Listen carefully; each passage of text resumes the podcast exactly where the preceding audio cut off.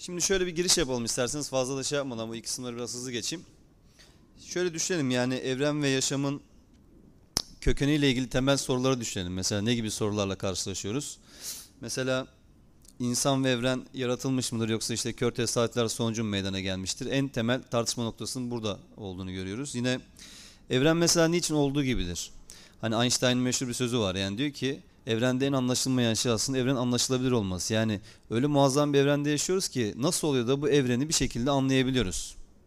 Yani uçsuz bucaksız bir işte uzay içerisinde böyle bir e, misket topu gibi bir şey kendi etrafında dönüyor. İşte güneşin etrafında dönüyor falan. Muazzam böyle bir oluşumlar var burada. Bir çekim uygulanıyor. İşte çekim kuvveti var falan. Ama biz burada oturuyoruz. Yani pek bir şey de hissetmiyoruz. Aslında ben bazı öğrencilerime de söylüyorum. Yani hayat öyle bir şey ki bir anda bizi sanki bir yerden böyle almışlar. Böyle bir sahnenin içine atmışlar gibi. Pat diye böyle işte dünyaya geliyoruz. Biraz büyüyoruz falan bilinç kazanıyoruz. Bambaşka bir alem yani. Anne karnına hiç benzemiyor burası. Anne karnı çok daha sorunsuzdu, rahat falan.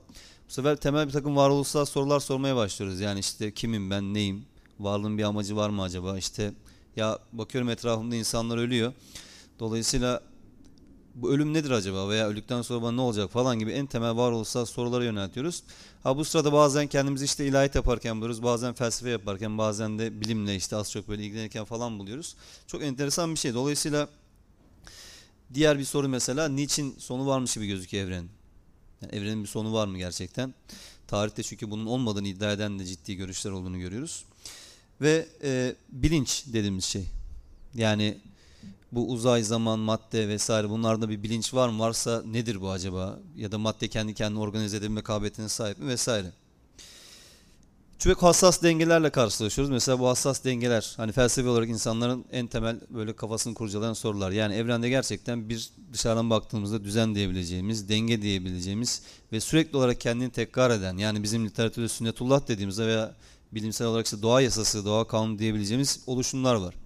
Nasıl oluyor da bunlar bu kadar organize olabiliyorlar? Nasıl oluyor da bu kadar işte yaşamın ve evrenin ortaya çıkmasına engel olabilecek sayısız faktöre rağmen yaşam ve evren gibi muazzam e, oluşumları meydana getirebiliyorlar. Acaba bunlarda bir bilinç var mı? Ve yine ya aslında ben ayağa kalksam daha rahat edeceğim ama öyle mi yapsak? Ses biraz problem değil mi? Hocam oradan Oradan mı yapayım? Tamam.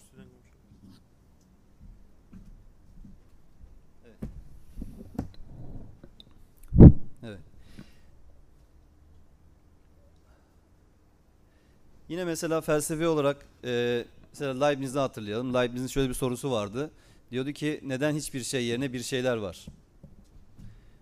Ya da şöyle de sorulabilir bu soru. Neden e, kaos değil de doğa yasaları var? Dedim ya az önce yani gerçekten evrende aslında aklın sınırları zorlayacak şekilde oluşumlar var ve bunun nedeni nedir acaba? Öyle ya biz insan olarak her şeyin ardında bir neden arıyoruz. Şimdi klasik e, evren ve yaşamın ortaya çıkışıyla ilgili temel iddialara bakalım hızlıca isterseniz. Mesela neler vardı hatırlayalım. Bunun e, ilki Tanrı'nın ve evrenin e, Tanrı'nın ezeli olduğu ve madde yarattığını ifade eden görüş. Tanrı'nın ezeli olduğu ve madde yarattığını ifade eden görüş. Yani bizim teist dinler diyebileceğimiz işte Yahudi, Hristiyan, İslam gibi evrenin bir başlangıcı var. Dolayısıyla yaşamın da bir başlangıcı var ve bunu bir var eden var düşüncesi. Bir diğerinde Tanrı'nın varlığını inkar eden ve maddenin ezelini kabul eden görüş. Bu da daha çok Sokrat öncesi filozoflarda mesela Demokritos, Epikür, Lüktatüs falan gibi takım filozofların maddenin ezeliliği fikrini savunması ki bu daha çok işte materyalist felsefe dediğimiz e, bizim tarihte karşımıza çıkan şey. Yani evrenin bir başlangıcı yoktur, bir sonu da yoktur. Başlangıcı olmayan bir şeyin başlatanı da olmaz. Bir diğerinde hem Tanrı'nın hem de maddenin ezelini iddia eden görüş. Bu da daha çok Platon ve Aristo gibi filozofların aslında bir Tanrı'nın varlığını kabul etmesine rağmen aynı zamanda evreni de Tanrı ile birlikte ezeli gören bir yaklaşımı. Ee, diğerinde de agnostik tavır olarak söyleyebiliriz. Yani bunlarla ilgili aslında hem Tanrı ile hem de evren ve yaşamın nasıl oluşur ile ilgili bir şey bilemeyeceğimizi ifade eden diğer bir görüş olarak böyle bir sınıflama yapmamız mümkün.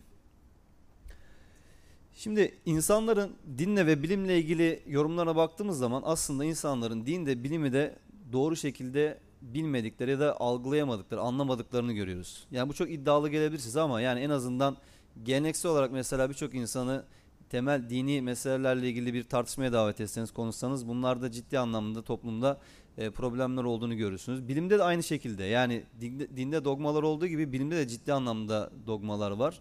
E, dolayısıyla din ve bilimin gerçekten doğru bilinmediğini görebiliyoruz. Mesela bilimsel anlayışta bir bilim adamı inançlı olursa bir sorun oluşturmuyor. Ama e, inançlı olduğu zaman işte dogmatik yaftası yiyebiliyor. Ya da inançlı olduğu zaman objektif olamayacağı düşünülüyor bu iddia ediliyor falan. Böyle enteresan bir durum var bilim camiasında. Dolayısıyla bilimle ilgileniyorsa inançlı olmalısın gibi ayrı bir e, problem var. Ama diyoruz ki mesela inançsız olmak aslında objektif olmanın göstergesi değil yani bir insan inançsızsa objektiftir şeklinde bir çıkarım yapmamız gerektirecek hiçbir veri yok elimizde aslında. Çünkü bir insanın objektif olup olmaması doğrudan kendisiyle alakalı bir şeydir. Yani ne kadar dürüst olduğuyla alakalı bir şeydir. Dolayısıyla inanmak ve inanmamakla alakalı değil aslında. Ve aslında bu yaklaşım bilimden çok e, bilimcilik diyebileceğimiz bir yaklaşım. Ya da başka bir ifadeyle şöyle kullanabiliriz. Yani bilimin naturalizme indirgenmesi, naturalizm neydi diye hemen bilgilerimizi tazeleyecek olursak evreni aslında kendi sınırlar içerisinde açıklama çabası. Yani bu dış dünya dışında bir gerçeklik yoktur. Metafizik diyebileceğimiz şeylere herhangi bir e, imkan yoktur. Dolayısıyla her şey yani evren içerisindedir ve evrenin sebebi de bizzat kendisidir. Bunun dışında bir sebep arama ihtiyaç yoktur şeklindeki yaklaşım.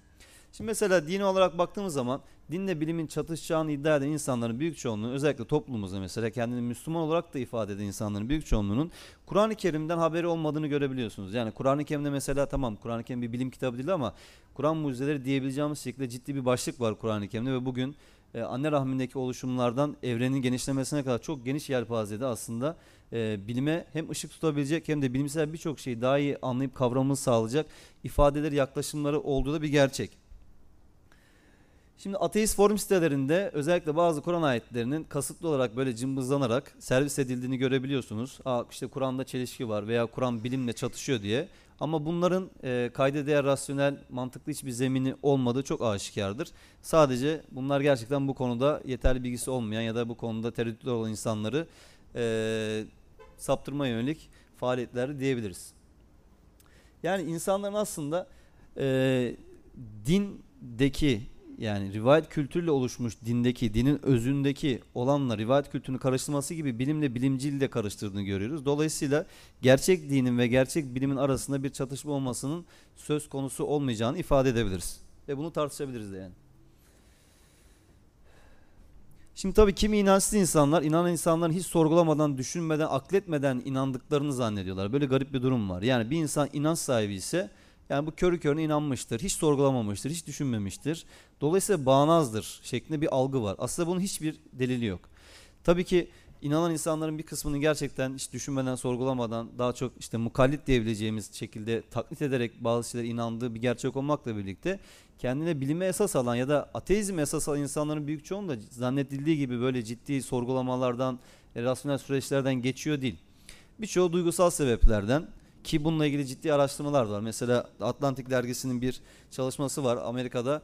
E, genelde 14 ve 16 yaşlar arasında insanın ateizmi seçtiğiyle ilgili ve 14-16 yaşlarda aslında kararlar daha çok duygusal olur, rasyonel olmaz. Ama bugün ortalama bir ateistle konuştuğunuz zaman ben çok sorguluyordum, çok araştırıyordum, çok inceliyordum. Dolayısıyla ateist olmuş şekli bir algıyla karşılaşabilirsiniz. Halbuki mesela Kur'an'ı bakış açısıyla çok düşünmek, çok sorgulamak, çok araştırmak, incelemek insanı ateist yapmak tam, tam tersi aslında bu evrenin ve yaşamın bir var edenin olması gerektiği düşüncesine insanı ulaştırır. Dolayısıyla sorgulamakta inanan bir insan için bir problem yok. Ee, bilimin ayrı, dinin ayrı, felsefenin ayrı hakikatleri olmaz diyebiliriz. Çünkü mesela biz bilim dediğimiz zaman bilim içinde bulunduğumuz bu evreni bir laboratuvar olarak gören ve inceleyen, araştıran bir alan olarak diyelim ki en kabaca şekilde tarif edeceksek bunu. Eğer ki inançlı bir insan evreni ve yaşamı e, Allah'ın yarattığını kabul ediyorsa Allah'ın yarattığı evrenle çatışacak veya çelişecek herhangi bir buyruğunun, herhangi bir bildiriminin olmayacağını da e, anlaması gerekir.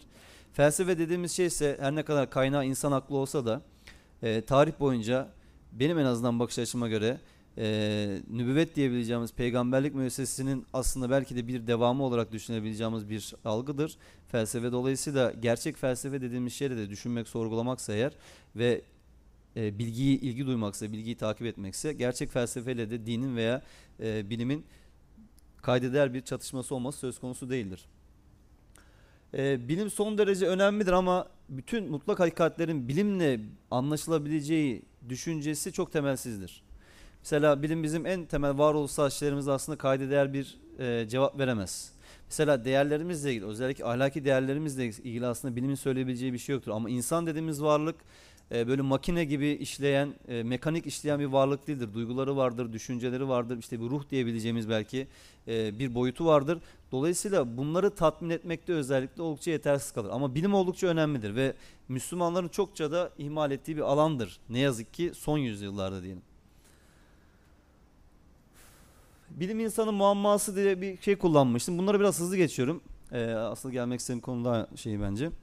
Bilim insanı muamması dediğim bir konu var. Yani bugün televizyonda ortalama e, bir programda tartışan insanlar işte fizik, kimya, biyoloji gibi alanda otorite kabul eden insanlar işte eğer ki bunların da bir e, akademik titri varsa işte profesörse e, bu insanlar bilim konusunda kendilerini tekel görmeye çalışıyorlar ve ol, genelde de inançsız insanlardan oluşuyor bunlar. Böyle garip, garip bir durum var.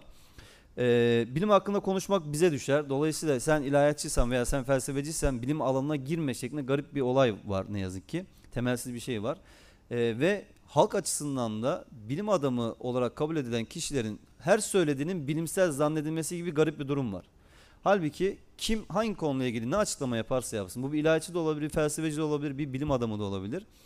Ee, bir ilahiyatçının diyelim ki kitaba uyduğu kadardır e, doğruluğu. Ee, bir bilim adamının bilimsel gerçekliklere uyduğu kadardır doğruluğu. Bir felsefecinin de rasyonel düşünceye, temel felsefi e, öğretilere uyduğu kadardır doğruluğu. Dolayısıyla bir insanın e, dediğim gibi objektif olması veya sadece bilimi tekel alması söz konusu değil. E, dolayısıyla teolog ve felsefecilerin doğa bilimleriyle ilgilenmesinden ciddi anlamda bir sıkıntı ortaya çıktığını görebiliyoruz.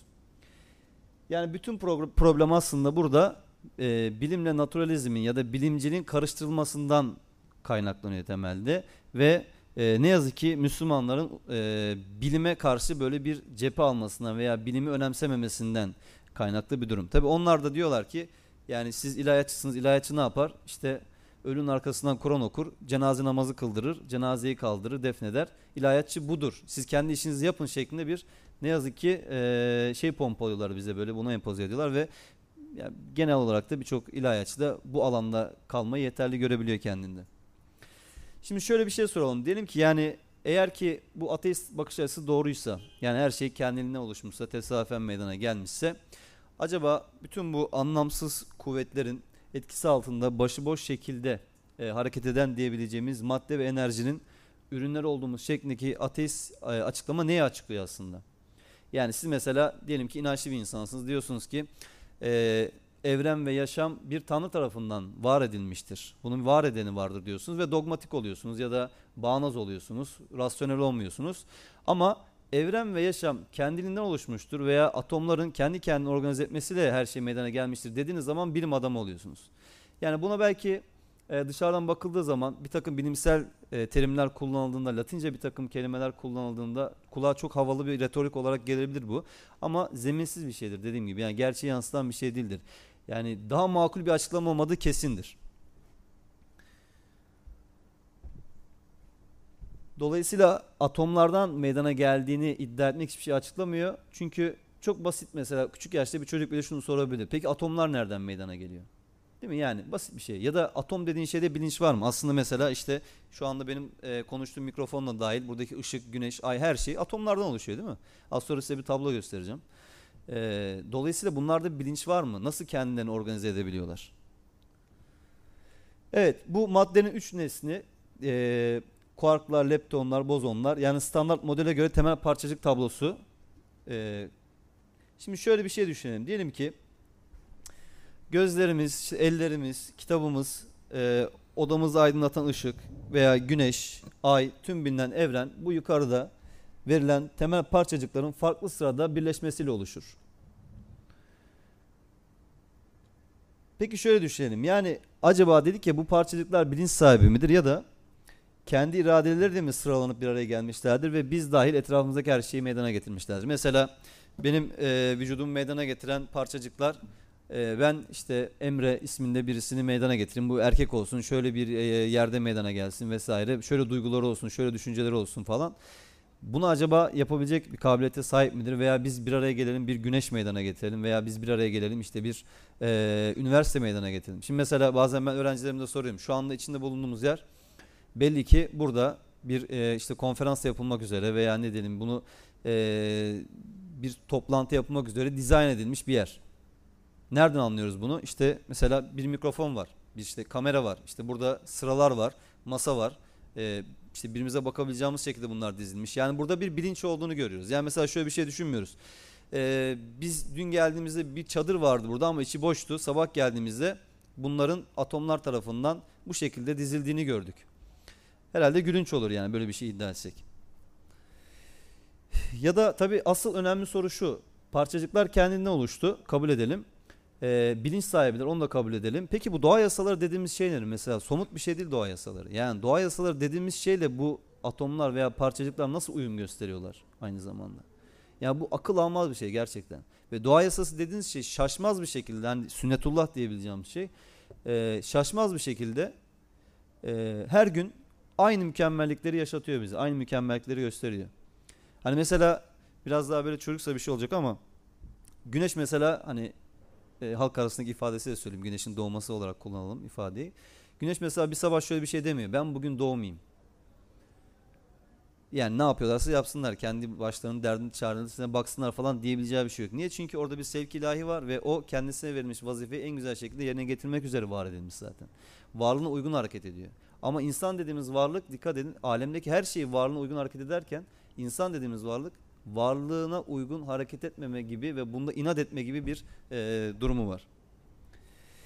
Ya da mesela değerlerimiz dedik ya yani bu tabloya baktığımız zaman her şey bu tablodaki parçacıklardan oluşuyorsa aslında mesela bu parçacıkları nasıl sıralarsak iyi nasıl sıralarsak kötü elde edilebilir mesela ve bu iyi ve kötü gibi kavramlar maddeye aşkın kavramlar değil mi? Mesela sorgulanması gereken diğer bir şey de bu. Tabi ahlak felsefesine girebileceğimiz bir alan.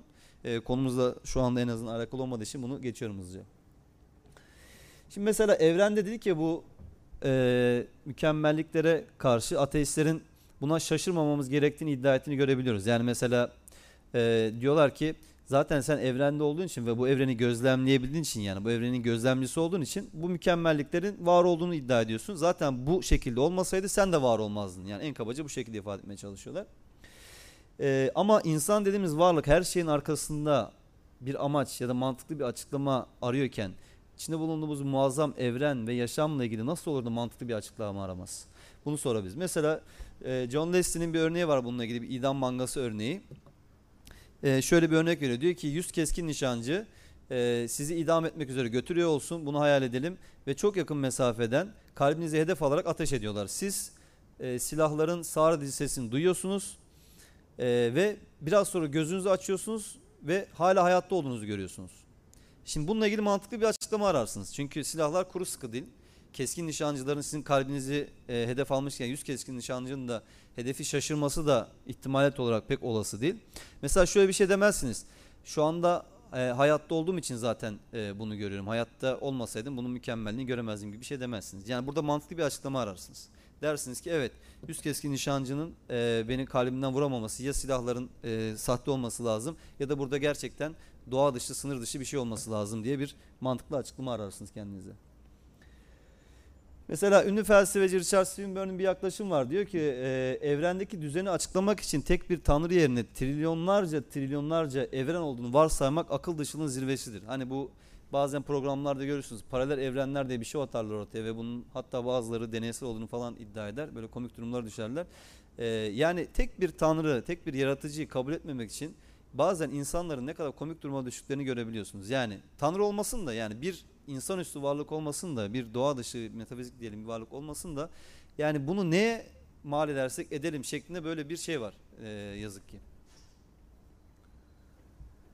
Yine mesela inançlı bilim insanların ön plana çıkartılmamaya çalışıldığını görüyoruz. Aslında mesela özellikle e, ülkemizde de böyle ama birçok uluslararası dergide de mesela e, birçok makalenin seçkin dergilerde yayınlanmadığını görebiliyorsunuz. Özellikle mesela ateizm veya materyalist düşünceyi eleştiren veya bir bilimsel bir takım çalışmalarını bir e, tanrının var olmuş olacağına e, bağlamaya çalışan insanların e, dergiler kaliteli dergilerde makalelerin yayınlanmadığını görebiliyoruz. Türkiye'de de yıllarca böyle oldu. Mesela şöyle zenci beyaz sporcu örneği gibi bir örnek verebiliriz bununla ilgili. Ee, mesela şöyle düşünelim yani siz bir olimpiyat düzenliyorsunuz ve bu olimpiyatta diyorsunuz ki sadece beyaz sporcular bu olimpiyata katılabilir. Daha sonra da e, olimpiyatın sonunda bir e, inceleme yapıyorsunuz veya bir rapor çıkartıyorsunuz. Diyorsunuz ki e, beyaz sporcular zenci sporculardan daha başarılıdır. Ama siz zaten baştan itibaren e, zenci sporculara o olimpiyatta yer alma hakkını vermemişsiniz. Dolayısıyla aslında kendiniz çalmışsınız, kendiniz oynamışsınız gibi bir garip durum oluyor. Evet. Şimdi klasik ve modern görüşler arasında evrendeki tasarım bu tabi aslında e, uzun bir slide olduğu için fazla da şey yapmamak açısından biraz buralı hızlı geçeceğim. Yani bu bir sempozyum slaytı gibi olabilecek. Yani çok e, kompleks bir şey değil ama daha uzun içerikli bir şey.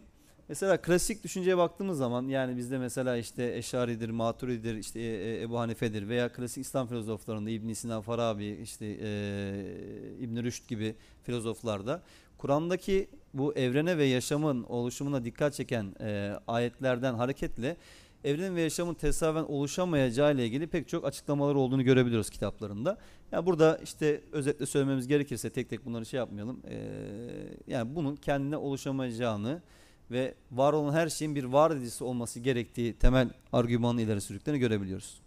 Mesela Eşare diyor ki işte işler yapımı kendinden iplik sonra da dokunmuş kumaş haline gelebilir mi? Yani biz evrendeki birçok şeyin bir sebebi olduğunu kolaylıkla kabul edebiliyorken evrenin ve bizzat yaşamın nasıl bir sebebi olmadığını iddia edebiliriz. Yine İbn Sina, Farabi ve Kindi'de de benzer e, örnekleri görmemiz mümkün.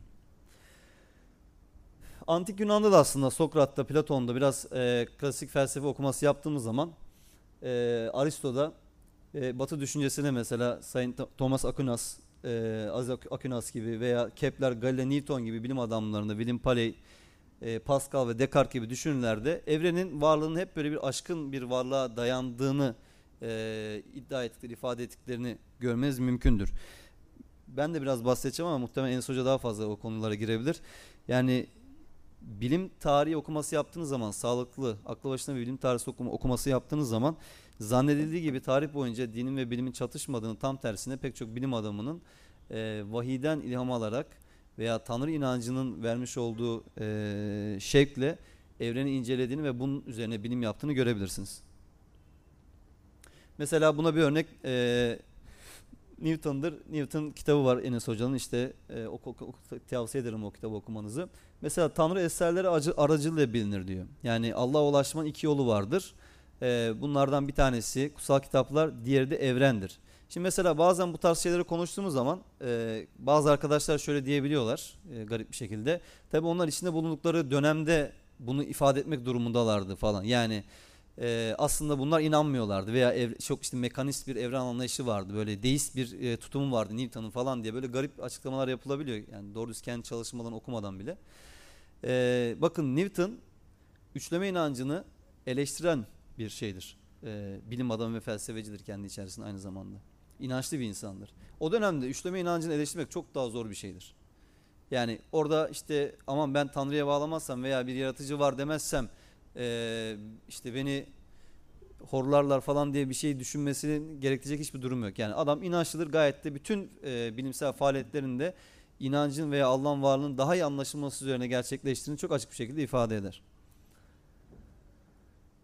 Evet biraz da evren ve tasarım konusunda ilgili bazı örnekler vermeye çalışalım. Şimdi mesela bu resimde gördüğümüz e, spor arabanın aslında çok kompleks bir şey olduğunu kendi içerisinde kabul ederiz. Yani oldukça da havalı bir arabadır. Belki de çok da pahalıdır. Ciddi bir mühendislik vardır arkasında. Ciddi bir plan vardır. E, bütün hem dış e, yani kaportası diyebileceğimiz şeyin dizaynından, tasarımından iç elektrik aksamına veya motor aksamına kadar çok hassas bir takım değerler olduğunu veya planlaması olduğunu kabul ederiz. Yani şöyle bir şey düşünmeyiz mesela. Böyle bir arabayla karşılaştığımızda hatta bir arazide karşılaşsak da böyle bir arabada.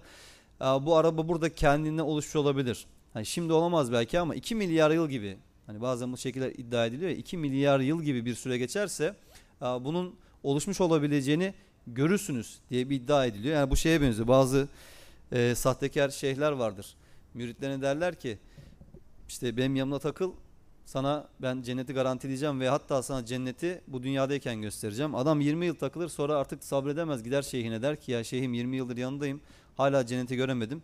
Sen bir 40 yıl daha senin imanın tam yerleşmedi yani sen bundan şüphe duyuyorsun. Sen bir 40 yıl daha takılırsan bu duvardan gördüğün beyaz duvardan ben sana cenneti izleteceğim der. Zaten 40 yıl daha muhtemelen ömrü olmayacağı için kimsenin e, adam da helak olup gider kendi içinde. Yani biraz buna benziyor. 2 milyar yıl geçerse bunun bu şekilde olabileceğini görürsünüz. Demek hiçbir şey ifade etmiyor. Bilimsel değil bir kere. Mesela pek çok kullandığımız araç gerisi düşünelim. Yani günlük yaşam içerisinde. O kadar çok şey var ki hayatımız içinde. Mesela şu önünde bulunan mikrofon veya karşınızdaki kamera. Mesela mikrofonla sesinizin iletileceğini bilirsiniz. Bunun dizaynı ve bütün tasarımı buna göre yapılmıştır. Mesela evde sabahleyin bir e, meyve suyu sıkmak istediğiniz zaman katı meyve sıkacağının bir tasarımı olduğunu, bir dizaynı olduğunu görürsünüz. Yani mesela meyvanın gireceği hazne, içindeki bıçaklar, onun suyunun çıkması için düzeneği falan vesaire. Hep bütün bunlar tasarım var. Yani hayatın içerisinde kullandığımız neye bakarsanız bakın bunların bir tasarım ürünü olduğunu kabul ederiz. Yine mesela e, Adıyaman'da Nemrut Dağı'nın tepesinde bu Komagene Krallığı'ndan kalma e, heykeller vardır. Burada işte kralların heykeli, bazı aslan heykelleri falan vardır. Çok da enteresan bir yerdir. E, buradaki heykelleri gördüğünüz zaman ya da işte İskoçya'daydı yanlış hatırlamıyorsam yan tarafta bu Stonehenge diye kabul edilen şey. E, burada daha önce bir medeniyet olduğu, bunun göstergesi nedir? İşte birkaç taşın bir araya gelmiş olması ve bilinçli olarak böyle bir e, dizildiğinin kabul edilmesi. Daha önceden burada bir yaşam oldu veya bir medeniyet olduğu kabul ediliyor. E, mesela şöyle bir şey düşünmeyiz muhtemelen. E, işte çok şiddetli e, çakan şimşekler veya çok şiddetli yağan yağmurlar, kar veya toprak kaymaları sayesinde aslında bu Komagene Krallığı dediğimiz krallığın krallarının e, heykelleri kendine oluşmuştur demiyorsun. Ve bunu yapanı görmesen de demiyorsun. Yani çıktığın zaman ilk insanlar ilk defa bunu buldukları zaman aa burada bir demek ki bir bilinç varmış. Yani burada bunu meydana getiren bir akıl varmış diyorsun. Yine mesela Kaliforniya, Güney Dakota eyaletinde e, Rushmore Dağı var. Bu Rushmore Dağı'nda Amerika'nın kurucu babalarının heykelleri vardır dağın tepesinde. Oldukça uzun yıllar böyle e, tıraşlanarak yapılmıştır bunlar. Mesela Washington, Jefferson, Roosevelt ve Lincoln'un suretlerini gördüğümüz zaman da ve bunların Amerikan başkanları olduğunu kendi resimleriyle, portreleriyle karşılaştırdığımızda olduklarını gördüğümüzde de yani e, aynı şeyi düşünmeyiz herhalde buradaki toprak kayması veya işte e, kayaların geçirdiği e, değişim sebebiyle böyle suretlerin çıktığını düşünmeyiz. Bazı bahçelerde çeşitli hayvan figürlerine göre budanmış e, bitkiler görürüz. Mesela işte bir zürafa olabilir, bir fil olabilir veya ne diyelim işte farklı bir hayvan olabilir. Yani şöyle bir şey düşünür müyüz? Yani buraya o kadar e, verimli bir toprağı var ki buranın ve o kadar özel bir suyla sulandı ki bu toprak. Dolayısıyla bitkiler çıkarken doğada karşılığı olan bir e, canlıya benzer şekilde çıktılar. Yani bir işte e, file benzer şekilde çıktı bu bitkiler veya bir e, köpeğe benzer şekilde çıktılar. Biliriz ki birisi gelip bu bitkileri o hayvan figürlerine uygun şekilde biçmiştir. Yine mesela birçok şey bununla ilgili verilebilir tabii örnek ama mesela kumsalda yürüdüğünüzü düşünün. Kumsalda yürürken bir anda seni seviyorum diye bir şeyin kumsalda yazdığını veya bir ağacın üzerinde seni seviyorum yazdı veya Çanakkale'den geçerken biliyorsunuz dur yolcu diye bir ifade vardır. Yani şöyle bir şey düşünür müsünüz? Mesela e, sahile vuran su damlaları ve çakıl taşları seni seviyorum şeklinde bir e, cümleyi ifadeyi medana getirmiştir der misiniz? Demezsiniz. Yani bu harflerin mantıklı bir şekilde bir araya gelebilmesinin ihtimaliyeti zaten bunun böyle bir iddiada bulunmanız ne kadar komik olduğunu ortaya çıkarttı. Bununla ilgili bir ufak bir örnek vereceğim az sonra. Ya da mesela şu garajınızdaki eskimiş e, bir arabayı düşünelim. Az önce verdiğim örnekte olduğu gibi yani böyle bir arabaya sahipsiniz. Bir sabah kalkıyorsunuz ve bakıyorsunuz ki aslında arabanız bir anda son model lüks bir e, otomobile dönüşmüş. A yani şükürler olsun sana doğa, şükürler olsun güneş, yağmur, şimşek demezsiniz herhalde. Bana ne kadar cömert davrandın demezsiniz. Yani şunu düşünürsünüz ya bu birisi benim arabamı almış buradan hurda arabamı ve buraya bu arabayı koymuş. Ve hatta bunu bulmak için belki tüm hayatınızı verirsiniz. Nedir bunu koyan? Kimdir bunu koyan? Veya nedir bunun sebebi diye. Tüm hayatınızı buna adayabilirsiniz yani. Yine mesela bu eskiden bizim zamanımızda iş ve teknik dersi diye bir şey vardı. Burada yaptırıyorlardı insanlar işte böyle bebekler ne bileyim hamurdan böyle değişik şekiller falan. Ee, yani şunun sürecini düşünelim. Mesela ilk defa ipliği aldığımız zaman ve ondan sonra e, mantıklı bir şekli verdiğimiz zaman hani bu Aristo'nun dört nedeni, nedeni vardır bu heykel örneğini verir mermer heykel örneğini. Ee, mantıklı bir şeklin çıktığını düşünelim. Yani ve daha sonradan mesela bir buna saça benzer bir şey yaptığımızı bir kalemle bir göz, ağız, burun çizdiğimizi, düşün, çizdiğimizi düşünelim. Bunda ne olduğunu düşünürüz? Aslında çok açık bir tasarım olduğunu düşünürüz bunda.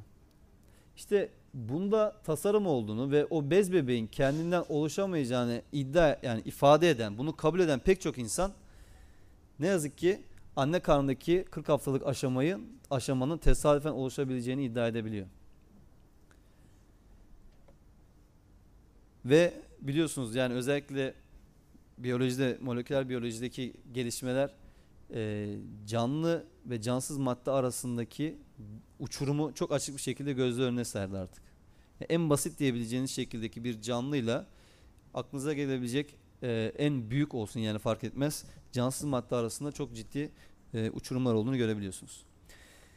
Yine mesela insan eli dediğimiz zaman ne kadar kompleks bir yapısı olduğunu görebiliriz. Yani mesela tek bir tırnağımızı kaybetsek ya da parmağımızı incitsek, kapıya sıkışsa falan gömleğimizi bile rahat ilikleyemediğimizi görürüz. Çok basit bir şeydir aslında değil mi? Yani normalde aslında bir şey insan kaybetmeden ne kadar hayatında fonksiyonel olduğunu veya ne kadar önemli olduğunu çoğu zaman düşünemez. Basit gelir. Ama elin bizzat yapısı yani aklınıza gelebilecek en gelişmiş robot elden veya teknolojik cihazdan çok daha komplekstir aslında. Asimo robotu vardı biliyorsunuz bu Honda'nın geliştirdiği. Ee, aslında güzel de bir şey. Bunu ben küçük görmek istemiyorum. Yani insanlar evet doğayı, doğadaki bir takım şeyleri taklit etsinler. Hatta yaratılışın delillerine de şahitlik etsinler bundan dolayı. Bu güzel bir şey. Ama biliyorsunuz yani tek bir e, adım atarken, otururken, gülerken veya yüz şeklimiz değişirken bile kaç tane kasımızın hareket ettiğini bir hayal edelim, düşünelim.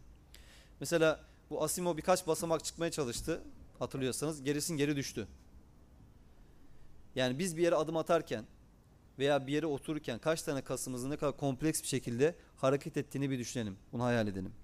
Ama insanlar e, işte robottan bir ele veya Asimo'ya tasarım derken insan dediğimiz bu muazzam evrene, kompleks e, yapıya, akl, aklı zorlayan yapıya tesadüf diyebiliyorlar. Yine mesela böyle bir şey vardı. Ben aslında bunu galiba sormuştum Enis'e. O da bizim anladığımız anlamda bir ışık üretmesi söz konusuyla ama böyle bir şey var. Ee, %10 ışık, %90 ısı ürettiği ifade ediliyor. Ee, mesela bir ampulün. Ama mesela doğada çok enteresan canlılar var. Ateş böceği. Her ne kadar dediğim gibi bu e, ampuldeki tarzda bir ışık üretmese de %100 ışık ve %0 bir ısı söz konusu kendi içerisinde. Aslında e, doğada e, taklit edilemeyecek boyutta çok kompleks bir takım şeylerin olduğunu da görebiliyoruz. Evet. Şimdi insandan bahsettik ya insan vücudu. Yani ne kadar muazzam, ne kadar kompleks bir yapıdır aslında kendi içerisinde ama aynı zamanda dünya hayatının imtihan olması ve insanın acizliğini fark edebilmesi için çok da zayıftır. Yani mesela çok değil böyle bir derece, bir buçuk derece ateşiniz yükseldiği zaman yatak döşek olursunuz. Dünyanın da en fazla sevdiğiniz yemeği önünüze getirseler yiyemezsiniz. O anda size deseler ki mesela hayatınız boyunca bir e, işte Ferrari'ye binmek istiyor olun. Öyle bir hayaliniz olsun. Ama ateşler içerisinde yatakta yatıyorsunuz ve kapınıza bir Ferrari çekiyorlar. Hadi bir tur at istersen diye. Yani aklınıza gelecek birçok şey için şey yaparsınız ama yani düşünebiliyor musunuz? Sadece tek bir karaciğerin 500'e yakın vazifesi olduğu ifade ediliyor veya bir kalbin. Yani ne kadar muazzam bir yapısı var sahip olduğumuz vücut organlarının. Ne kadar kompleks bir yapısı var. Ama biz bunların yani kendinizi böyle hayal edebiliyor musunuz? Önce onu bir sorayım. Aslında 3 aşağı 5 yukarı işte sağlıklı ortalama e, organlara sahip her insanın e, sahip olduğu şeyler bunlar. Yani içimiz dışımıza çıkmış gibi bir anlamda. Ve bunlar sabah açılmayı beklemeyen, akşam kapanmayı beklemeyen bir makine gibi, bir fabrika gibi düzenli olarak işliyorlar. Çok enteresan. Mesela biraz daha e, mikro konulara girelim mesela. Şu e, Stockholm'daki bir kütüphane yanlış hatırlamıyorsam. Çok muazzam bir kütüphane. Böyle kitap kurduğu olan kişilerin bir anda böyle e, yüzünü güldürebilecek boyutta bir kütüphane. Mesela tek bir DNA molekülümüzde tam 1 milyon ansiklopedi sayfasının ortalama 1000 kitap civarı e, dolduracak miktarda bilgi bulunduğunu biliyor muyuz mesela? Bunu hiç düşündük mü? Tek bir DNA molekülümüzde ve her bir hücrenin çekirdeğinde insan vücudunun işlevini kontrol etmeye yarayan 1 milyon sayfalık bir ansiklopedinin içerebileceği miktarda bilgi kodlanmıştır. Bunu görüyoruz. E, 2004 yılında meşhur e, ateist Anthony Fleur'un e, DNA'daki kompleks yapının açığa çıkmasından sonra ateizm düşüncesinden vazgeçtiğini ve bir tanrının varlığını kabul ettiğini gördük. Biliyorsunuz bu ateizm dünyasında ciddi anlamda bir e, bomba etkisi, şok etkisi yarattı. 82 yaşındaydı yanlış hatırlamıyorsam ve hatta kimileri dedi ki ya bu artık bunadı bu yaştan sonra ki adamın zihni gayet açıktı. Hiçbir problem yoktu. Ama eskiden beri e, Platon'un Sokrat için yazmış olduğu kanıtın götürdüğü yeri takip etme düsturundan hiçbir değişiklik olmadığını, şu ana kadarki 50 yıllık akademik çalışmasını tamamen teizm karşıtlığı ve ateizmi desteklemek üzere gerçekleştirdiğini e, ifade ettiğini gördük ve bütün bu 50 yıllık birikiminde yanıldığını söyledi. Neden dolayı? Sadece bu işte DNA'daki kompleks yapının mükemmelliğin açığa çıkmasından dolayı. Yani bilimden dolayı aslında. Bilimin ortaya koymuş olduğu verilerden dolayı. Tabi bu kolay bir şey değildir. Yani insanın aslında böyle 50 yıllık birikiminde yanıldım demesi kolay bir şey değildir. Çok erdemli bir harekettir aynı zamanda. Mesela yine bazı şeyler var. Böyle enteresan veriler var. Bu DNA sarmalı değil mi? İşte, işte çözümlemeye çalışıyorlar bunu.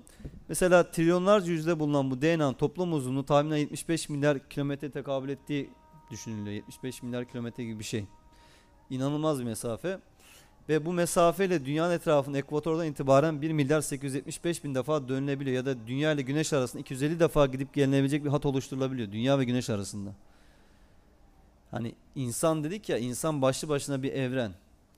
Yani nasıl bir komplekslik, nasıl bir muazzamlık taşıyoruz kendi içimizde kendimiz dahi bunun farkında değiliz. Zaten bunun farkında olsak muhtemelen e, ne kadar çok şey olduğunu görürüz şükretmek için. Ne kadar çok şeye sahip olduğumuzu görürüz. Yine mesela damarlarımızı düşünelim. Damar sistemimiz. Aklın sınırını zor aklın sınırlarını zorlayacak bir yapısı vardır hakikaten kendi içerisinde. Mesela ucuca eklendi ortalama 160 bin kilometrelik bir e, mesafeye tekabül ettiği ifade ediliyor. 160 bin kilometre ki dünyanın etrafının işte 40 bin kilometre olduğunu düşündüğümüzde aslında ortalama bir insanın sahip olduğu damarlar ucuca eklendiğinde dünyanın etrafında 4 defa dönülebilecek bir e, uzunluğa ulaşmanız mümkün.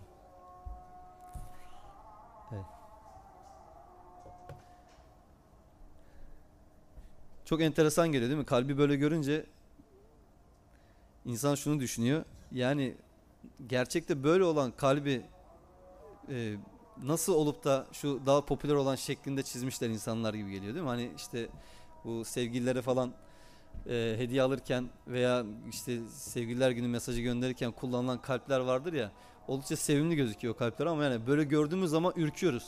Bir de mesela bu kadar güçlü bir şeyin vücudumuzda sürekli olarak attığını düşünelim. Ama şu anda hiçbir şey hissetmiyoruz. Bazen biraz hızlı yürüdüğümüzde veya biraz böyle merdiven çıktığımızda falan eğer ki egzersiz yapmıyorsak düzenli e, bir anda şey olabiliyor böyle daha hızlı atmaya başlayabiliyor ama yani böyle güçlü bir şekilde içimize bir şeyin attığını ve bundan dolayı bir şey hissetmediğimizi hayal edelim. Az önce mesela şeyleri göstermiştim, iç organlarımızı göstermiştim. Yani bu iç organlarımızı da o kadar kompleks bir şekilde aslında bu e, kemik sistemimiz o kadar muazzam bir şekilde muhafaza ediyor ki. Yani hem e, çok güçlü hem de esnek. Esnek olabilmesi sayesinde bizi dış etkilerden koruyor veya işte koştuğumuz zaman, hızlı hareket ettiğimiz zaman organlarımızın daha fazla sallanmasına veya zedelenmesine engel olabiliyor. Böyle muazzam bir yapısı var. Şimdi günde ortalama 100 bin defa attığı söyleniyor insan kalbinin. 10 tonluk tankeri dolduracak miktarda kanı pompalıyor. 10 tonluk tanker nasıl yapıyor bunu? Bu miktardaki kan devir daimle sürekli olarak kalbe gelip atılıyor ve bir gün boyunca 10 tonu bulan bir e, pompalama gerçekleşiyor. Ya 10 tonluk bir şey düşünelim böyle bir e, büyük bir yük gemisi düşünelim mesela. Sonra hayal edelim yani vücudumuzda böyle bir işlevin gerçekleşmesini. Yine mesela anne karnından ortalama ömür süren bir insan ölünceye kadar aşağı yukarı 2,5 milyar defa kalbinin attığı söyleniyor. 2,5 milyar defa ve muhtemelen işte sabahleyin kalktığımızdan şu ana kadar ne kadar attı ve e, bunu fark etmedik bile. Yine insan kalbi 24 saat içinde sarf ettiği enerjinin ortalama bir insana böyle 1500 metre falan yukarı kaldırabileceğini e, ifade ediyorlar. Yani böyle bir aslında güç ve potansiyel taşıyoruz aynı zamanda kendi içimizde. Evet mesela insan gözü- gözünü düşünelim. Yani ne kadar kompleks bir organ. Yani hatta öyle ki e, birçok aslında ateisti de veya ateist bilimli adamın da şaşırtan bir organ. Yani bu kadar kompleks olabilmesi ve e, açıklanmakta bu kadar zorlanabilmesi. Şimdi mesela birçok insan buna tesadüf diyebiliyor. Tesadüfen oluşmuştur diyebiliyor. Ama mesela şu şeyi düşünelim. Bizim fotoğraf makinelerinde kullandığımız zoomları düşünelim veya mercekleri düşünelim. Mesela insan gözü sağlıklı bir göze sahipseniz o kadar kompleks bir görme e, özelliği vardır ki ve çok geniş bir açıyla görür. Mesela şu kullandığımız cep telefonları aşağı yukarı işte 5-10 megapiksel olduğunu hayal edelim. Aslında bir 7 mega- megapikselden sonra çok bir şey yok bildiğim kadarıyla bir anlamı da yok ama e, insan gözünün aşağı yukarı 576 megapiksel gibi bir şey olduğu ifade ediliyor. Eğer gerçekten böyleyse e, gerçekten akıl almaz bir fark var arada. Ha şu yarın öbür gün teknoloji gelişir işte çok yüksek megapikselli bir şeyler yaparlar. Hani Aa, bu geçilir diye düşünülebilir ama aynı zamanda şunu düşünmek lazım. Mesela bu fotoğraf makinelerimizin ucundaki o mercekleri ayarladığımız gibi bir zoom e, yakınlık uzaklık e, ölçümü yapmaya çalıştığımızı düşünelim gözlerimizde. Böyle bir şey hayal edelim. Yani her birimizin yüzün gözlüğün üstünde böyle bir gözlük gibi böyle bir mercek ayarı olduğunu hayal edin ve mesela ben bir arkadaşımıza bakmak istediğim zaman bunu yakınlaştırıp uzaklaştırmaya çalıştığımı, netlik ayarı yapmaya çalıştığımı düşünelim. Ama mesela hiç böyle bir şey ihtiyaç duymuyorsun. Ve saniyelik de değil yani. O kadar anlık gerçekleşiyor ki bu olaylar. Ben ekrandan size bakana kadar aslında onlarca yüzlerce fotoğraf çekiyorum. Ve sadece bu değil bakın bilinç burada devreye giriyor. Yani ben burada baktığım zaman işte Enis Hoca burada oturuyor demem onu sadece görüyor olmamla ilişkili bir şey değil. Onu görmem o görmenin bir anda e, benim beynime e, iletilmesi ve onun e, zihnimde evet bu Enis Doko'dur diye bir bilgi uyandırması.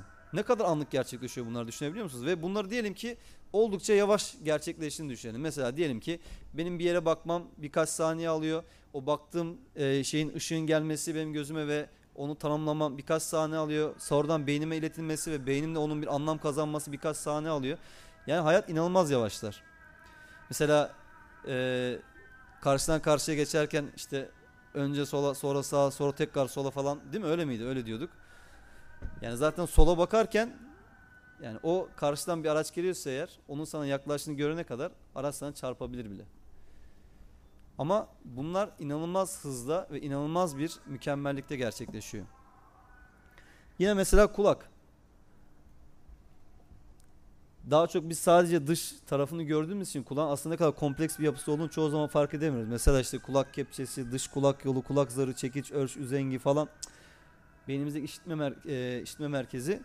İnanılmaz bir sistem var. inanılmaz bir işleyiş var burada. Yine mesela şeyi düşünelim. Yani az önce verdiğimiz örneğe benzer bir şekilde. Eski radyoları düşünelim. O frekans ayarını yapmak için ne kadar uğraştığımızı, net ses alabilmek için ne kadar uğraştığımızı. Aynı şekilde mesela kulağımızın dışında da böyle bir düğme olduğunu hayal edelim ve işte ses geldiği zaman o düğme yardımıyla o sesi işitmeye yönelik olarak e, uğraştığımızı düşünelim, hayal edelim. Ama mesela sesin iletilmesi, bizim bunu işitmemiz ve aynı şekilde bunun e, zihnimizde, beynimizde bir anlam kazanması inanılmaz bir hızla oluyor. Ve inanılmaz bir hızla olduğu için zaten hayat bu kadar e, şu anda içinde bulunduğumuz seyirde devam edebiliyor. Ama bunun yavaşladığını düşünelim. Ya ben bir şey konuştuğum zaman bu sesimin size iletilmesi, onu size anlamanız düşünebiliyor musunuz? Çünkü sizin anlamanız için benim beklemem lazım. Yani birkaç tane konuşmamam lazım. Yani bu e, doğrudan çeviri yapanlar oluyor mesela yabancı dilleri çeviri yapanlar. Ne yapıyor? Adamın konuşmasını bekliyor. Söylüyor. Dinliyor bir yandan onu. Yani normal konuşma gibi, diyalog gibi olmadığını görebiliyoruz.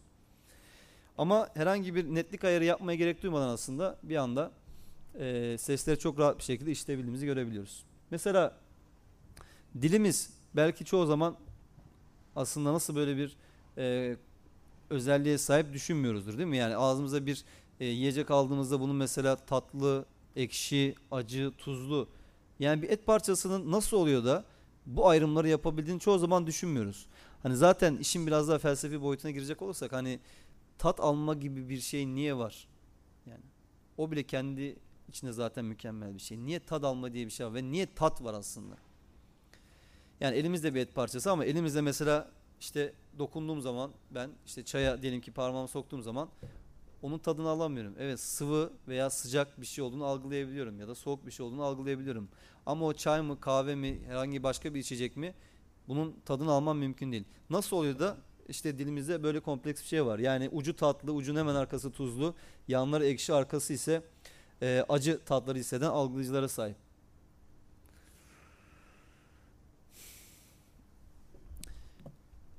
Hayvanlar dünyası.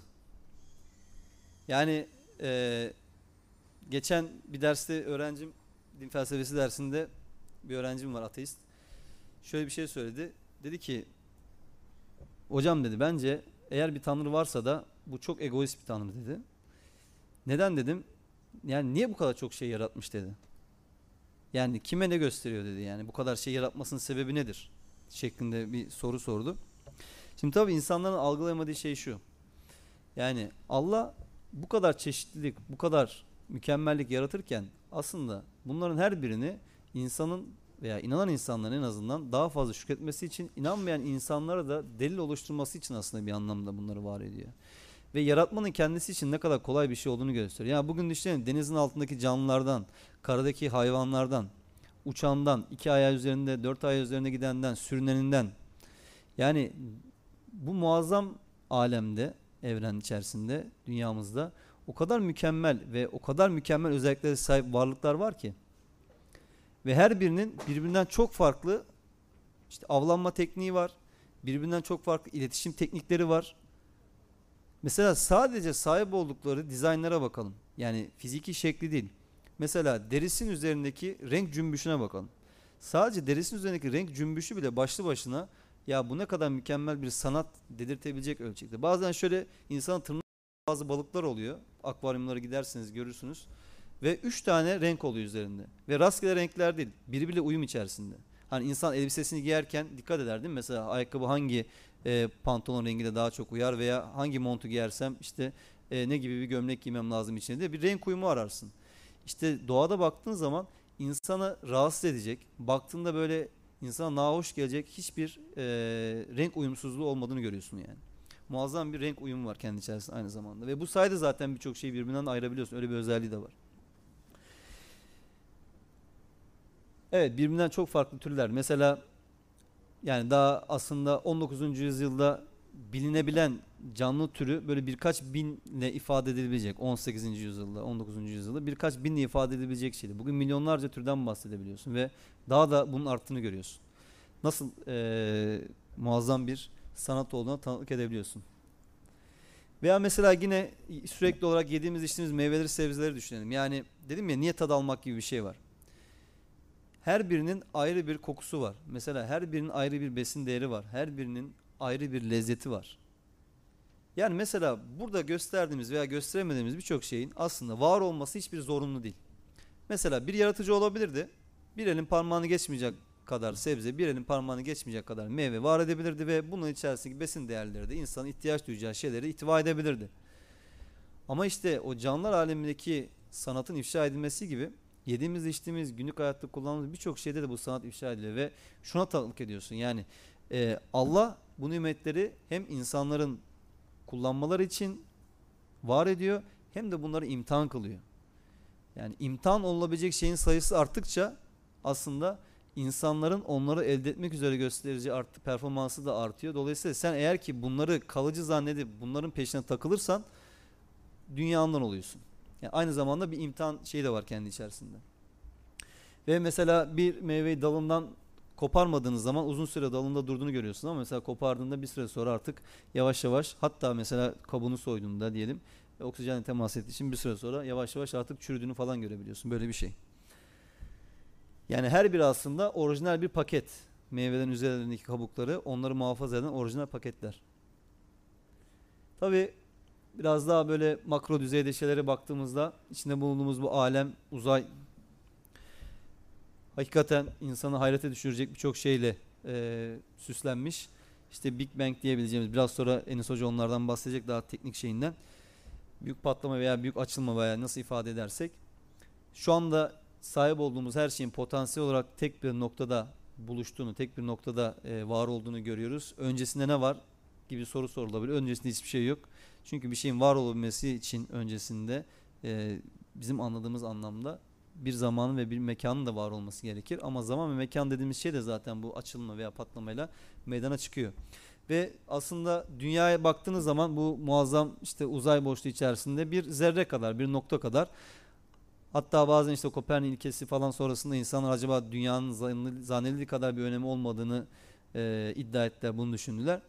Ama görüyoruz ki içinde bulunduğumuz galaksi sistemi içerisinde yaşanılabilen tek gezegen şu anda en azından görebildiğimiz kadarıyla dünyamız ve çok özel donanıma sahip. E, ve bulunduğu konu bile galaktik sistem içerisinde bulunduğu konu bile çok özel. Yani e, yaşanılabilir alan Samanyolu içerisinde çok sınırlı ve o sınırlı alan içerisinde dünyamız bulunuyor ve uzayın gözlemlenebilmesi için de oldukça önemli bir konumda. Rastgele bir yerde değil. Ve mesela etrafındaki gezegenlerle ciddi anlamda bir e, etkileşimi söz konusu. Az önce bir örnek vermiştim. Onu biraz daha şöyle açalım isterseniz. Mesela bir araç içerisinde aşağı yukarı 30-40 km hızla gittiğiniz zaman böyle bir tümsekle veya işte bir çukurla temas ettiğinizde istediğiniz kadar lüks bir otomobile biniyor, biniyor olun. Hemen sarsılırsınız. Şimdi içinde bulunduğumuz bu mavi gezegen de bir binek olarak kabul edilirse eğer dünya saatte yaklaşık 1670 kilometre bir hızla kendi etrafında dönüyor ve aşağı yukarı 107 bin kilometre civarında bir hızla da güneşin etrafında dönüyor. Biz mesela şu anda hiçbir şey hissetmiyoruz. Bu muazzam hareketlilik varken şu anda burada oturuyoruz işte sohbet ediyoruz hatta işte çayımızı yudumluyoruz. Yani burada bir 3-4 şiddetinde deprem olsa bir anda hemen ne yaparız kendimizi dışarı atmaya çalışırız değil mi? Ama bu kadar muazzam bir sürat içerisinde hiçbir şey hissetmeden burada e, yaşantımıza devam edebiliyoruz. Yine mesela dünya güneşten yaşam için en uygun mesafe 149 milyon 500 bin kilometre uzaklıkta. E, dünyanın dönüş hızı daha az olsa mesela güneşe daha yaklaşıp daha aşırı e, ısınabilir ve e, daha fazla olsa da dünyayı buz kitleleri tamamen kaplayabilir. Yani mesafesi de olması gerektiği mesafede, yaşam için olmazsa olmaz bir mesafede. Bazen televizyonlarda görebilirsiniz. Bunda da bazı böyle e, ateist bilim e, insanları diyebileceğimiz kişiler dalga geçerler. Ya işte dünya güneşe biraz yaklaşırsa şöyle olurmuş, biraz uzaklaşırsa böyle olurmuş falan gibisine. Yüzde üçmüş, yüzde beşmiş falan gibi. Ama e, bu gerçekten oldukça hassas bir mesafe. Yine mesela dünya Ay dünyanın dörtte biri büyüklüğünde ve bu dörtte biri büyüklüğünde olması sayesinde uyguladığı çekim gücüyle aslında e, dünyanın ekseni yaklaşık 23,5 derecelik bir e, e, derecede sabitliyor. Bu oran ılıman mevsim değişiklikleri için son derece hassas. Yani gerçekten hani bazı veriler diyoruz ya bunlar olmazsa olmaz şeyler. Mesela yine dünya ay arasında 380 bin kilometre mesafe var ki bu mesafe de son derece hassas. Çünkü bu daha az olsa mesela 25 kilometre yükseklikte bir takım e, sularla kaplanabilirdi e, karalar. Bir şeye daha bakalım. Diyelim ki mesela neden acaba e, Ay'da değil de veya işte diğer başka gezegenlerde Mars'ta Venüs'te değil de dünyada yaşam ortaya çıkmıştır. Mesela Ay'a baktığımızda gündüzleri 120 dereceye ulaşan kavurucu bir sıcaklık ve geceleri eksi 150'ye 50 dereceye kadar düşen e, yaşamın mümkün olma, olmayacağı bir soğuk hüküm sürüyor. Ama ve aynı zamanda ay bu göktaşı yağmurlarından da ciddi anlamda ultraviyole ve kozmik ışınlardan da ciddi anlamda delik deşik olmuş bir şey. Dolayısıyla yaşam mümkün değil ayda. Yani bütün bu faktörlerin aynı zamanda bir araya gelmesi lazım. Yani dünya diye bir gezegende sadece suyun olması, işte e, güneşin olması, karbon atomunun olması değil. Bütün bu sayılacak ve şu anda sayılmayan faktörlerin bir araya gelmesi, doğa yasalarıyla uyum içerisinde olması ve bir düzenle işlemesi gerekiyor ki yaşam gibi kompleks bir şey ortaya çıkabilsin ve devamını sağlayabilsin. Yine mesela hızlıca şunlara da bakalım. Ee, toparlayayım sonra. Mesela neden Merkür, Venüs ya da Mars'ta değil de işte dünyada e, yaşamın oluşuyla ilgili bir takım veriler söyleyebiliriz. Mesela e, dünya üzerindeki ısı farkı yaşam için tam da olması gerektiği şekilde ama mesela Merkür, Venüs çok sıcak, Mars'ta çok soğuk olduğunu görüyoruz. Yani bunlarla ilgili çok fazla örnek verilebilir. E, dolayısıyla dünyada yaşamın oluşması rastgelelikle, tesadüfle açıklanabilecek bir şey değil. Yani burada öyle bir ortam oluşturuyorsunuz ve bu ortamda ancak yaşam oluşabiliyor ve başka en azından şu ana kadar gözlemlenebilir evren içerisinde herhangi başka bir gezegende e, yaşam söz konusu değil. Mesela bazen diyor itiraz ediyorlar ama Mars'ta su bulundu. Bir kere bizim anladığımız anlamda bir su mu bu? Böyle olsa dahi e, bir tek suyun olması acaba yaşam için yeterli bir şey mi? Çünkü dedim ya bütün o diğer faktörlerin de bir araya gelmesi gerekir. Yani dünyadaki yaşam e, bir yaratıcı tarafından var edilmemiştir ispatlamak için insanlar her yolu deniyorlar. Aa, işte su yaşam için olmazsa olmaz diyorsun. Aa bak Mars'ta da su var diyor. Yani sadece bir tek su olduğu zaman yaşam ortaya çık- çıkabilecekmiş gibi. Nükleer fizik profesörü Gerhard Schröder'in bir şeyi var. Ee, bahsettiği bir deney var. Az önce söylemiştim bir örnek vereceğim diye. Onu hızlıca size söyleyeyim hemen. Bu e, birçok maymunun içinde bilgisayar klavyesi olan bir kafese kapatılmasıyla alakalı bir deney. Ve e, maymunların klavyeye rastgele vurarak bir Shakespeare sonesi elde etmesi analojisi benzerliği kuruluyor kendi içerisinde. Böyle bir şey oluşturuyor. Diyor ki mesela e, 6 maymunun bulunduğu kafese bir bilgisayar konuluyor ve maymunlar bir ay boyunca bilgisayar klavyesi rastgele bastıktan ve bunu aynı zamanda tuvalet olarak da kullandıktan sonra 50 kağıt çıktısı alıyorlar ve bu 50 kağıt çıktısında tek bir e, kelimeye dahi rastlanmadığı görülüyor. Mesela İngilizce'deki en e, kısa kelimenin bir harf olması, A ve I diye düşündüğümüz zaman bunun bile oluşmadığını görüyoruz. Çünkü yanına bir şey alması gerekiyor. Evet. Evrendeki hassas ayarları burada kullanmıştım ama bunları ben Enis Hoca'ya bırakayım. O herhalde daha bu konulardan bahsedecek. O yüzden yani e, buraları hızlı geçeyim. Son kısma daha çok geleyim. Mesela şöyle bir örnek verebilirim ama mesela Kur'an-ı Kerim'e biz baktığımız zaman Zuhruf suresinde 11. ayette Allah'ın e, bir ölçüye bağlı olarak gökten su indirdiği ifade edilir. Bir kadere bağlı olarak, bir miktara bağlı olarak. Mesela şöyle veriler var. Değişmez bir ölçüye bağlı olarak 450 katrilyon litre su buharlaşıyor e, yılda ortalama ve yeryüzüne düşen su miktarı hep aynı. Göğün geri çevirdikleri diye de belki ifade edebileceğimiz ayetlerde de buna işaret olabilir. Yine saniyede 16 milyon ton, dakikada 1 milyar ton su yağmur olarak yeryüzüne yağıyor. Yani hep bir ayette de ifade edildiği gibi bir ölçü var. Buharlaşan su ve yeryüzüne tekrardan düşen su miktarında. Yine mesela aşağı yukarı 1200 metre yükseklikten inmesine rağmen e, inerken sürtünmeden almış olduğu o şekiller sayesinde onların daha küçük e, hale gelmesi sayesinde rahmet olabiliyor yağmur. Aslında bu kadar yüksek mesafeden parçalanarak inmese temas ettiği her şeyi yok edebilir, ortadan kaldırabilir ve rahmet değil aslında azap olabilir. Dolayısıyla her yağmur yağması da yağdığında 1200 metre gibi yükseklikten bu gelene kadar nasıl bir aşamadan geçiyor bunu da düşünüp herhalde şükretmek için bir şey var, e, vesile var. E, bu hassas ayarları dediğim gibi geçeyim yani ışığın uygunluğu, hayati gazlar. Mesela şunu örnek verebiliriz yani atmosferde biliyorsunuz ortalama %78 nitrojen, %21 oksijen ve %1 nispetinde karbondioksit ve argon gibi diğer gazlar var. Mesela buradaki oran da çok hayati bir oran. Yani normalde mesela şöyle düşünebiliriz. Yani %21 değil de oksijen %23 olsa acaba daha mı iyi olur? Daha mı nefes alırız mesela? Daha mı çok mesela çabuk büyür? işte bitkiler vesaire falan diye düşünebiliriz ama hayır değil. Çünkü aynı zamanda yakıcı bir gaz biliyorsunuz oksijen. Tam da olması gerektiği ölçüde. Yani %21 yaşam için olmazsa olmaz bir ölçüsü. Ee, galiba doldurum süremi değil mi Emre? 45'te mi başlamış? Tamam. Son kısımda toparlayayım. Şimdi teist dinlerin bilime katkıları biraz hızlıca bunlardan bahsedip e, son kısımda o zaman şey yapayım. Şimdi genelde şöyle bir düşünce var. Yani dinler bilimin ilerlemesine engel olmuştur. Ya da e, din bilim çatışır. Dedik ya zaten bizim programında başlığını bu oluşturuyor. Şimdi biz aslında sağlıklı bir bilim tarihi okuması yaptığımız zaman işin aslında böyle olmadığını görüyoruz. Yani e, eğer ki insanların bilim yapmaya güvenleri olmasaydı bilim diye bir şey ortaya çıkmazdı. Bilim yapmaya güvenleri de aslında bir yaratıcı olan güvenlerinden kaynaklanıyor. Yani bugün yaptığını yarın bozmayacak bir yaratıcı. Kendi içerisinde tutarlı, tutarsız olmayan bir yaratıcı. Dolayısıyla aslında tarih boyunca baktığımız zaman bu düşünceyi inancı ne veriyor dediğimizde bu düşünce inancı tarih boyunca dinler veriyor. Evrenin bir alemin bir var edeni vardır, bir yaratıcısı vardır ve o yaratıcı en ince ayrıntısına kadar evreni yoktan var etmiştir ve evrenin bir sonu vardır düşüncesi. Dolayısıyla diyebiliriz ki bütün bilimsel gelişmeler neredeyse teist dinler ve inançlı bilim insanları sayesinde gerçekleşmiştir. Yani sizin doğa yasalarına güveniniz olmasa bilim yapmanız nedir? Mümkün değil. Mesela bununla ilgili örnekler var ama süremi doldurduğum için geçeceğim.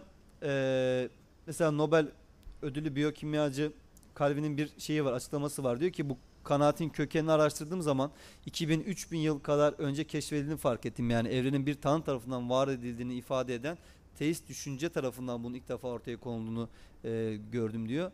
Yine mesela e, bilimin olabilirliğine olan inanç sayesinde bilimin yapılabilirliği dedim ya yani bununla ilgili de e, açıklamalar olduğunu görmeniz mümkün. E, yine mesela aslında şöyle bir örnek de verebiliriz. Yani e, neden mesela özellikle Çin'de bizim batıda anladığımız anlamda modern bilimsel gelişmelerin, modern bilimsel devrimlerin olmadığını sorduğumuzda çok enteresan bir şeyle karşılaşabiliriz. Mesela bilim tarih kitaplarında bunlar da yer alıyor. Çünkü bir tanrı inancı olmadığı için Çin'de, bir yaratıcı inancı olmadığı için doğa yasalarına bir güven de yok. Doğa yasalarına güven olmaması yani bugün böyle davranabilir ama yarın başka türlü davranabilir düşüncesinden dolayı teknolojik anlamda bir evrilme olmuştur Çin'de ama batıda anladığımız anlamda bilimsel anlamda bir e, evrilme gerçekleşmemiştir. Bu çok önemli bir noktadır aslında. Evet pek çok örnek verebiliriz yine inançlı e, düşünürlere, bilim adamlarına bununla ilgili. E, bu Çin'deki örnekten bahsettim. Şimdi tabii şu var yani tarih boyunca bilime karşı çıkan Hristiyan ya da Müslüman e, düşünürlerin ya da insanların olduğu bir gerçek. Ama aslında dedim ya bunu destekleyen ve din ve bilimin bir arada olmasını ifade eden pek çok düşünür de mevcut. Tabi bununla ilgili aslında çok fazla örneklerimiz var. Ee, ama ne yazık ki burada bunları çok bahsedemeyeceğiz. Mesela biz bir bölüm şeyle alakalıydı. Bizim aslında galiba çok daha uzun değil mi sempozyum şey ilk başta sonradan biraz kısaldı süre öyle bir sıkıntı oldu galiba. Yani. Tamam yani ben toparlayayım sorun olmadı soru cevap olursa o kısımda biraz daha şey yapalım. Mesela Müslüman bilim insanlarının bilime katkılarıyla ilgili çok ciddi bir literatür var. Bakın bunu tavsiye ederim bunu okumanızı.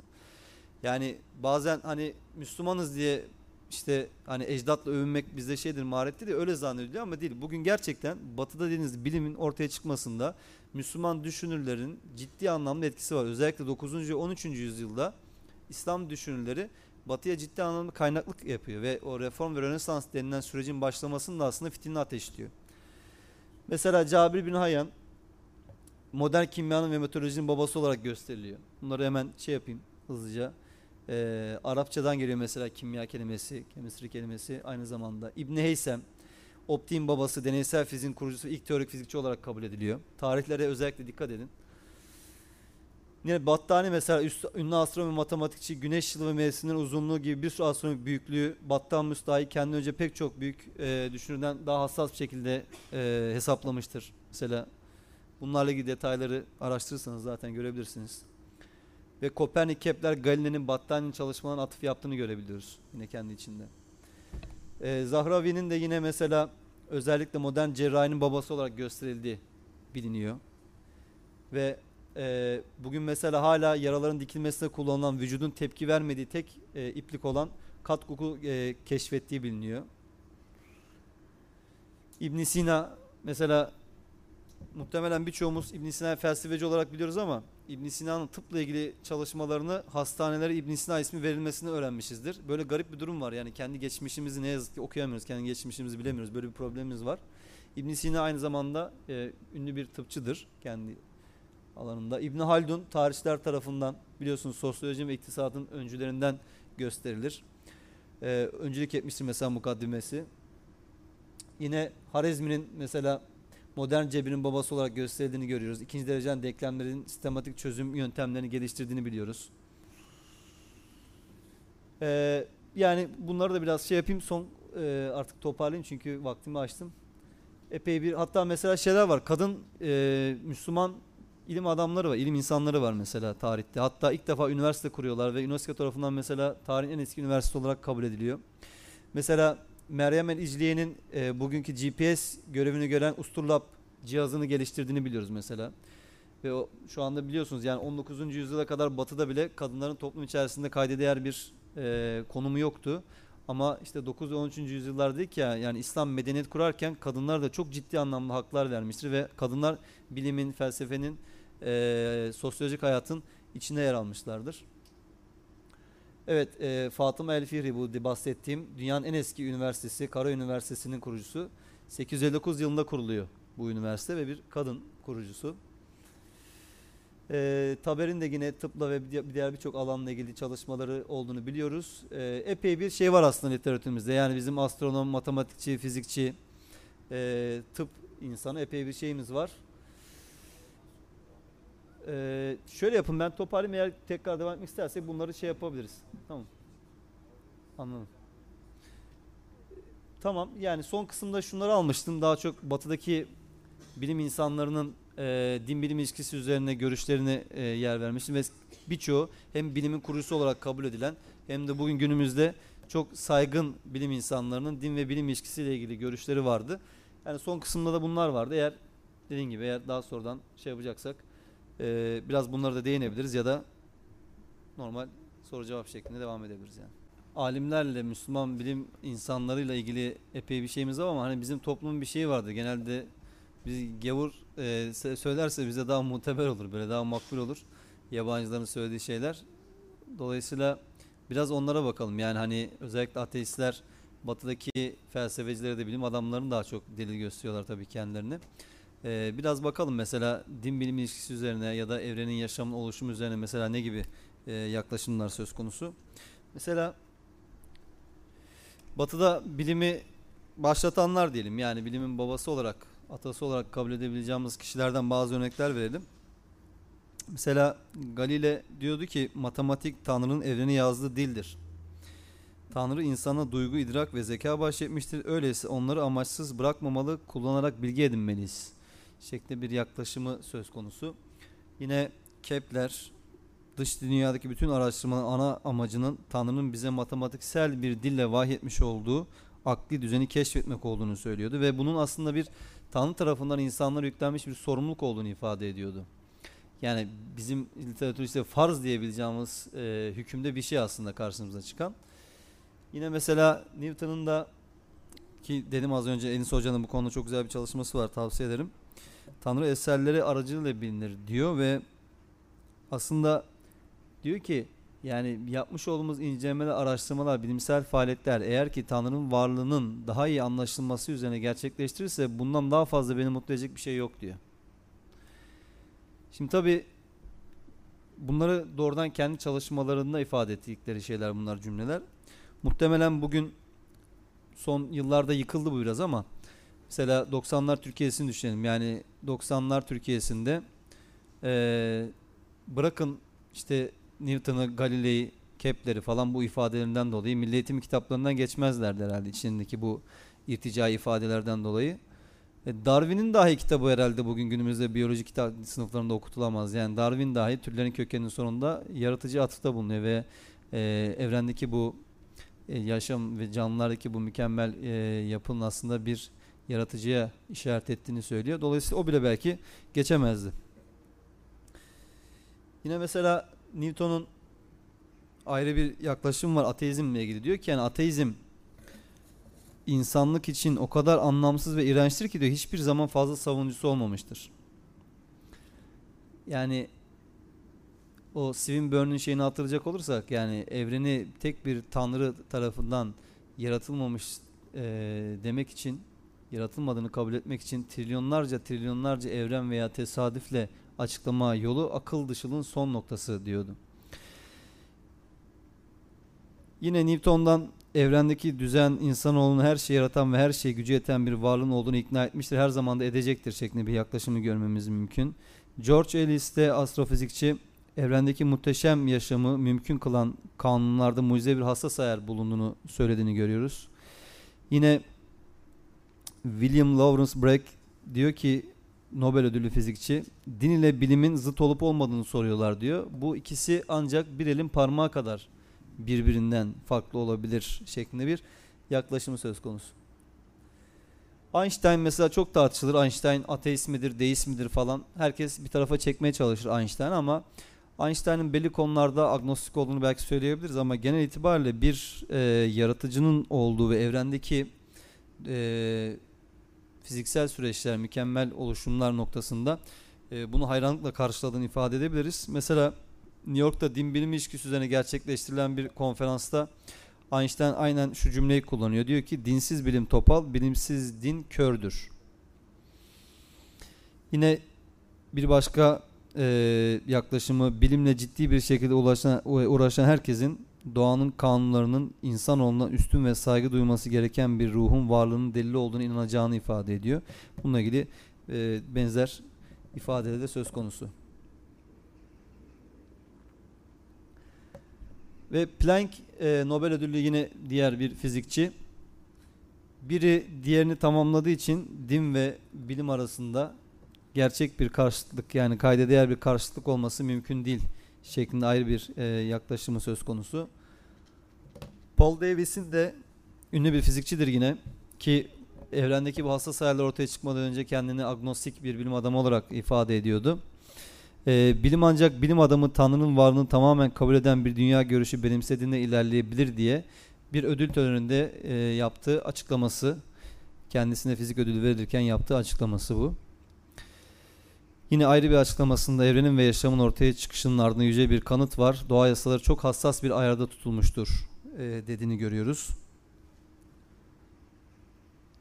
Yine ayrı bir astrofizikçi David Darling'in de e, evrenin ilk bu oluşumu ile ilgili yani Big Bang ile ilgili güzel bir yaklaşım var. Diyor ki zaman yoktu, uzay yoktu, madde ve enerji yoktu.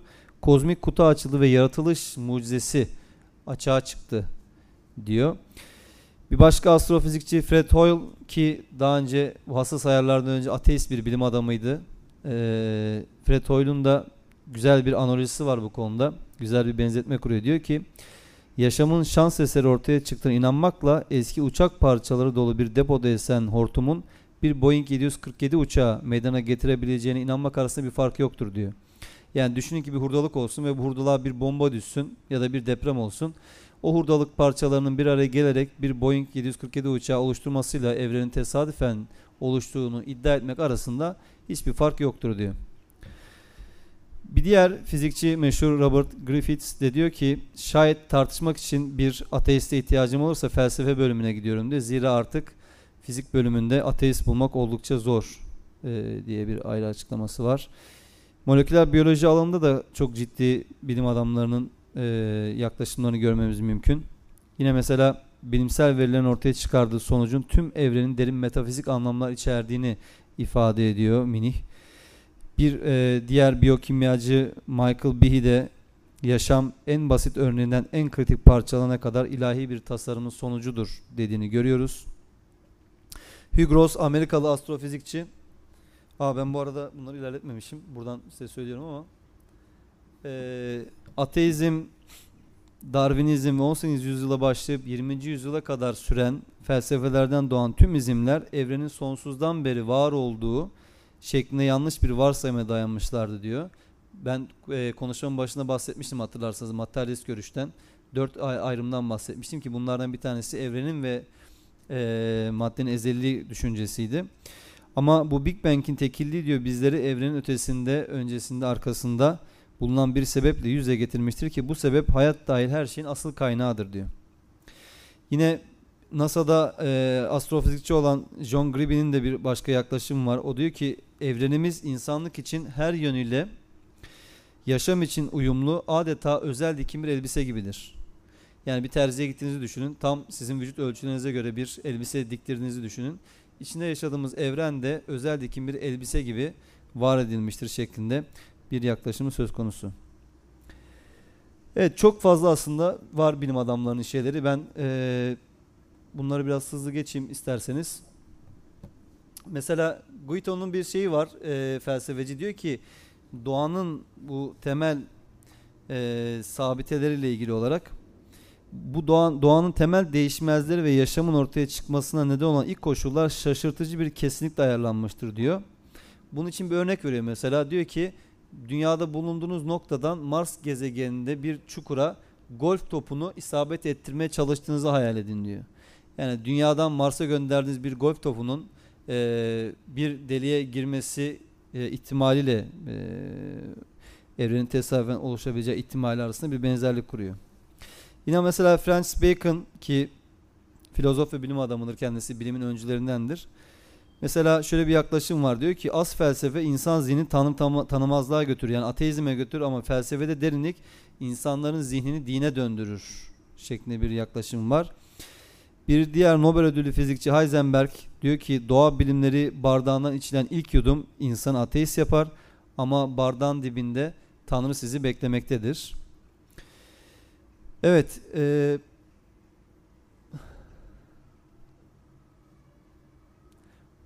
Paul Dirac yine Nobel ödüllü fizikçi Tanrı üst düzey bir matematikçidir diyor ve evreni yaratırken ileri düzeyde bir matematik kullanmıştır diyor. Hugh Ross'ta da yine benzer e, ifadeler görmemiz mümkün. Sir e, Templeton'da inanç bir insanın sabit değil açık fikirli olmasını sağlar diyor. Hatırlıyorsanız ilk kısımda e, kimi inançsızların inanan insanları tamamen dogmatiklikle suçladıklarından bahsetmiştik. Yani düşünmeden, sorgulamadan, e, rasyonel sebeplere dayanmadan doğrudan inandıklarını iddia ettiklerini söylemiştik. Halbuki gerçekte inancın insanları sabit fikirli değil açık fikirli olmasını sağlayacağını ifade ettiğini görüyoruz. Yine mesela Montreal Üniversitesi Psikiyatri Bölümü eski öğretim üyelerinden Carl Stern'in bir yaklaşım var bu konuyla ilgili. Diyor ki e, bunca bilimsel veriye rağmen bazen çünkü şununla karşılaşabiliyorsunuz yani diyorlar ki ya madem bu kadar bilimsel veriler var niye hala ateist bilim adamları var? İnanmak ve inanmamak çok ayrı bir psikolojiye dayanıyor. Yani bir insana peygamberler ne mucizeler gösterdiler insanlar inanmayabildiler. Yani bir insana e, gerçekten samimi ise, vicdan sahibi ise ve gerçeğin peşindeyse delilleri gördüğü zaman tabii ki doğal olan bir şeyi kabul etmesi, inanması ya da inanmaması. Ama insanlar böyle değiller. Daha çok duygusal davranıyorlar. Çeşitli sebeplerden dolayı inanıp inkar edebiliyorlar. Ve diyor ki e, bunca bilimsel veriye rağmen zihinsel açıdan sağlıklı birinin evrenin tesadüfen oluştuğunu iddia etmesi mümkün değildir. Evrenin şu anki yapısının tümüyle bir tesadüf eseri olabileceği düşüncesi tamamen delice bir düşüncedir diyor. Delilik kavramını argo bir kelime olarak hakaret niyetiyle değil, aksine tamamen psikolojideki teknik anlamıyla kullanıyorum. Gerçekte bu tür bir düşünceyle şizofrenik düşünce tarzı arasında büyük benzerlikler var diyor. Yani evrenin tesadüfen oluştuğunu iddia etmekle e, şizofrenik hastalık arasında bir ilişki olduğunu söylüyor. Evet. Evrendeki bu hassas ayarları açığa çıkmadan önce agnostik olduğunu ifade eden bir diğer astrofizikçi var Robert Jastrow diyor ki kozmosun evrenin ölçümünü yapan iş arkadaşlarının başına geleni en iyi şekilde anlatmaktadır şu cümlesiyle. Aklın gücüne inanarak yaşamış bilim adamlarının hikayesinin sonu kötü bir rüya gibidir. Cahillik dağını aşıp onun en yüksek tepesini ele geçirmek üzeredir. Son kayanın üzerinden baktığında yüzyıllardan beri orada bulunan ilahiyatçılar tarafından karşılanırlar.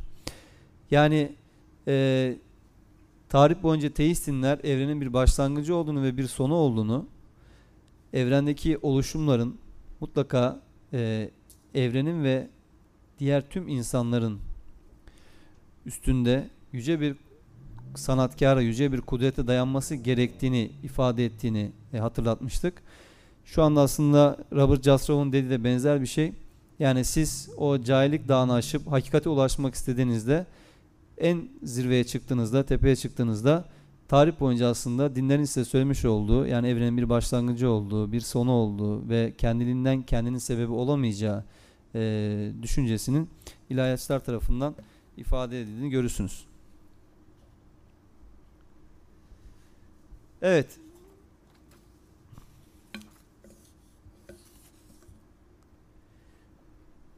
Mülk suresinin 3. ve 4. ayetleri çok muazzam ifadeler içerir aslında baştan beri e, anlatmaya çalıştığımız konuyu özetler mahiyette. Şöyle diyor. Birbiriyle uyum ve ahenk içinde yedi göğü yaratan da odur. O Rahman'ın yaratışında, yarattıklarında herhangi bir uyuşmazlık, aykırılık, çelişme göremezsin. Bir kez daha bak, bir çatlaklık, bir uyuşmazlık görüyor musun? Sonra bakışını iki kez daha döndür. Umudunu kesmiş olarak döner sana göz. Utanmış, bitkin düşmüştür o.